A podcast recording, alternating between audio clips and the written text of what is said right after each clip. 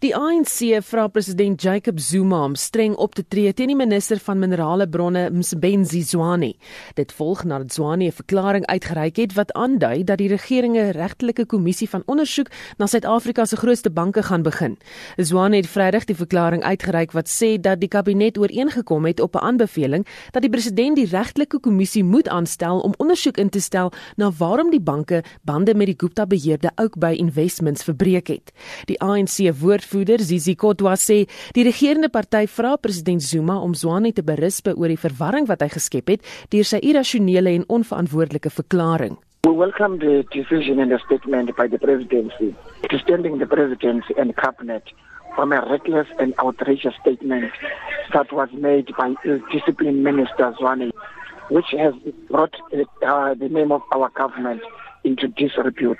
It has not only sent wrong signals about our national cabinet, but also it has sent signals about some of the intention of his statement.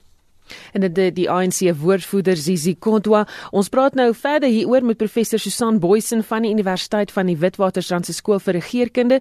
Goeiemôre professor. Goeiemôre Susan. Waarom is hierdie uitlatings van minister Zwane volgens die ANC onverantwoordelik?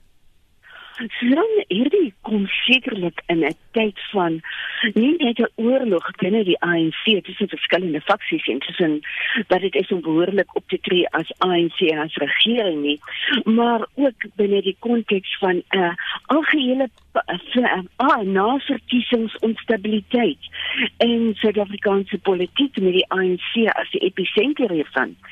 En dit is gesê dit is hoogs onverantwoordelik en ons sien 'n eskalering van hierdie tipe van onverantwoordelikheid sedert die verkiesing asof daar haas is om te plunder en om te buit te kaap voordat daar dalk enige stokkie in hulle pad gesteek kan word.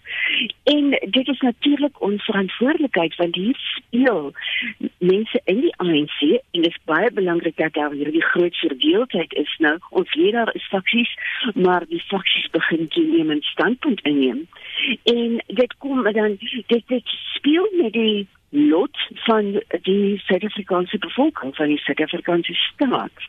En dit is net iets ongehoords om selfs bo jou eie kollegas, meestal van jou eie faksie, ten minste die post Lekwane post Mangaung faksies, om oor hulle koppe te gaan en met hulle oorlog te maak. So hierdie is omtrent 'n vry vir almal, skiet in alle rigtings oorlog en daar is nie wenners behalwe vir 'n klein faksie binne die ANC nie. Versterk sulke uitlatings die persepsie van 'n sogenaamde staatskaping deur die Gupta familie tienvoudig sou ek sê. Hierdie is blaatante direkte in jou gesig opsies wat gespeel word en duidelik absoluut ten gunste van die Gupta faksie. En die Gupta faksie is natuurlik nie die enigste mense wat sekere aandele het in die Suid-Afrikaanse staat nie, maar hulle is beslis die sterkste en hulle is beslis aan die voorpunt van die hele huidige veld tog oor die kaping van die Eskoms en die Denels en uh, Prasas en so kan ons aangaan. So dit is nie die kaping ons het tot dusver konlike subtiliteit gesien. Maar hier is iemand wat en ander en ander volgens ander aanleiding boer die koppe van gaan van sy kabinetskollegas. In blaatant ons weet almal van minister Zwane se agtergrond ons weet almal dat hy hulle voorheen al gehelp het om hulle mynbelange te bevorder ons daar is baie sterk aanteigings van Sanko byvoorbeeld dat hy besig is om weer eens die Gupta familie se beleggings te bevorder in Mynkoping en die Rustenburg area. Die ander die ander dinge hou net nie op nie. Hmm. Die jy het nou so 'n bietjie daaraan geraak, maar maar wat is die invloed uh, van minister Zwane se uitsprake op Zuma se kabinet? Dit is sekerlik waar ons grootste bekommernis moet wees. Hier is 'n kabinet wat al is hulle verteenwoordiging van meestal 'n faksie in die ANC wat tot dusver omtrent saamhoorig opgetree het. Maar hier kom hulle en ons sien dat die kabinet totaal disfunksioneel geraak het. Iemand kan uit die kabinet uitgaan en 'n besluit aankondig. Daar word geprobeer, die alle die ander dinge om die kabinet se uitsprake te manipuleer om aan aan aan te dring dat daar besluite was voordat daar werklik was. Uh, dan mag ek lankal eintlik oorgegaan na die president toe. Die kabinet af na die president toe. En is ook aanleiding dan dat die kabinet disfunksioneel is in hierdie sin van die woord. Dat dit net aan die president uitgelewer is, dat die president nie in die land is nie of nie in die land wil wees nie en dat die mag weg in streed van hierdie kollektiewe liggaam van die kabinet en die president en die president en 'n klein groepie van mense reg rondom hom geleë is. Ons het gesien dat Gwede Mantashe nie afgelope paar dae gepraat het oor hoe ongeloste onopgeloste dispute in die kabinet oorspoel na buite toe. En hierdie is so groot teken daarvan van hoe die kabinet dan ook gebruik word vir private vir bevordering van private besigheid en hierdie is 'n baie baie onbenadigingswaardige posisie waarin Suid-Afrikaners hulle nou moet bevind. Hmm. Jy het ook vroeër gepraat oor die verdeeldheid binne die ANC, maar wat moet ons lees uit die ANC wat 'n beroep op sy president doen? Ehm um, jy weet hoe wat hoe spreek dit die verdeeldheid aan of wat gaan daaraan? Jy weet hier is nuwe faksies besig is besig om na vore te tree. Dit is alles natuurlik nog faksies binne die oorspronklike faksie wat die Zuma faksie was. Maar hier kom gereeld nuwe klein faksies na vore nou. En dit ons het reeds gesien van die veral van die begin van die jaar af van einde verlede jaar af van Nenigate vir die tyd af hoe daar nuwe faksies binne hierdie faksie ontstaan wat kyk na hulle eie belange van hoe hulle hoe hulle, hulle belange en die ANC se belange. Daar is wel 'n paar mense wat nuwe lig sien en wat kan sien hier is die ANC belange besig is om die onderste te delf.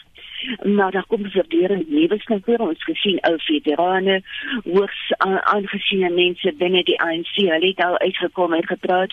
Ons het gesien dat Gwede Mantashe mense binne Lutulia House dat hulle probeer om meer duidelik uit te praat.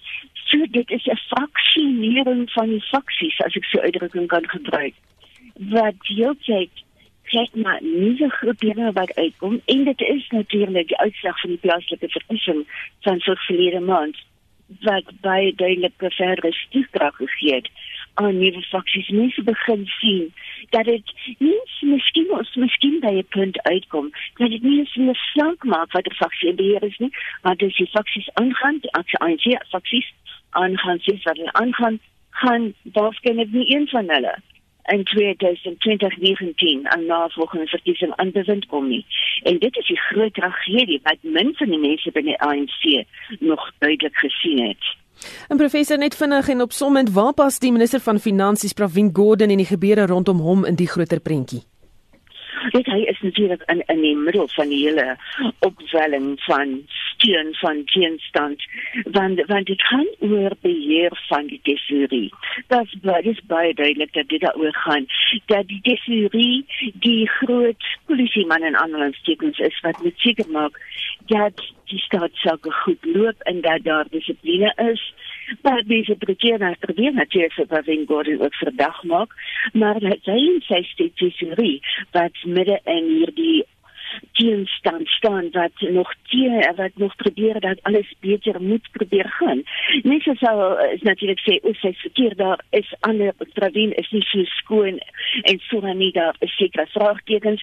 Miskien is daar, maar ons weet ook daar is nog nie 'n formele geldige klagtes wat om te sien om gereken dat nie bewyse van 'n misdaad wat gepleeg is nie.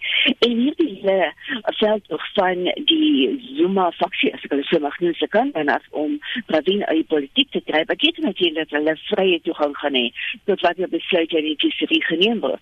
En ons sien aan die ander kant van hierdie oorlog is ook dat hulle sê probeer seker maak dat as hulle dan nie Pravin oorlog kan wen kan kan doen nie, dan probeer hulle ook sekere besluitnemingsprosesse, daar's 'n paar voorbeelde daarvan gewees in die laaste paar weke. En probeer hulle dat belangrike besluite oor sekere finansiële en finansiële intelligensiesake weggelei moet word van die tesorie af. Baie dankie. Dit was professor San Boysen van die Universiteit van die Witwatersrand se skool vir regeringskunde.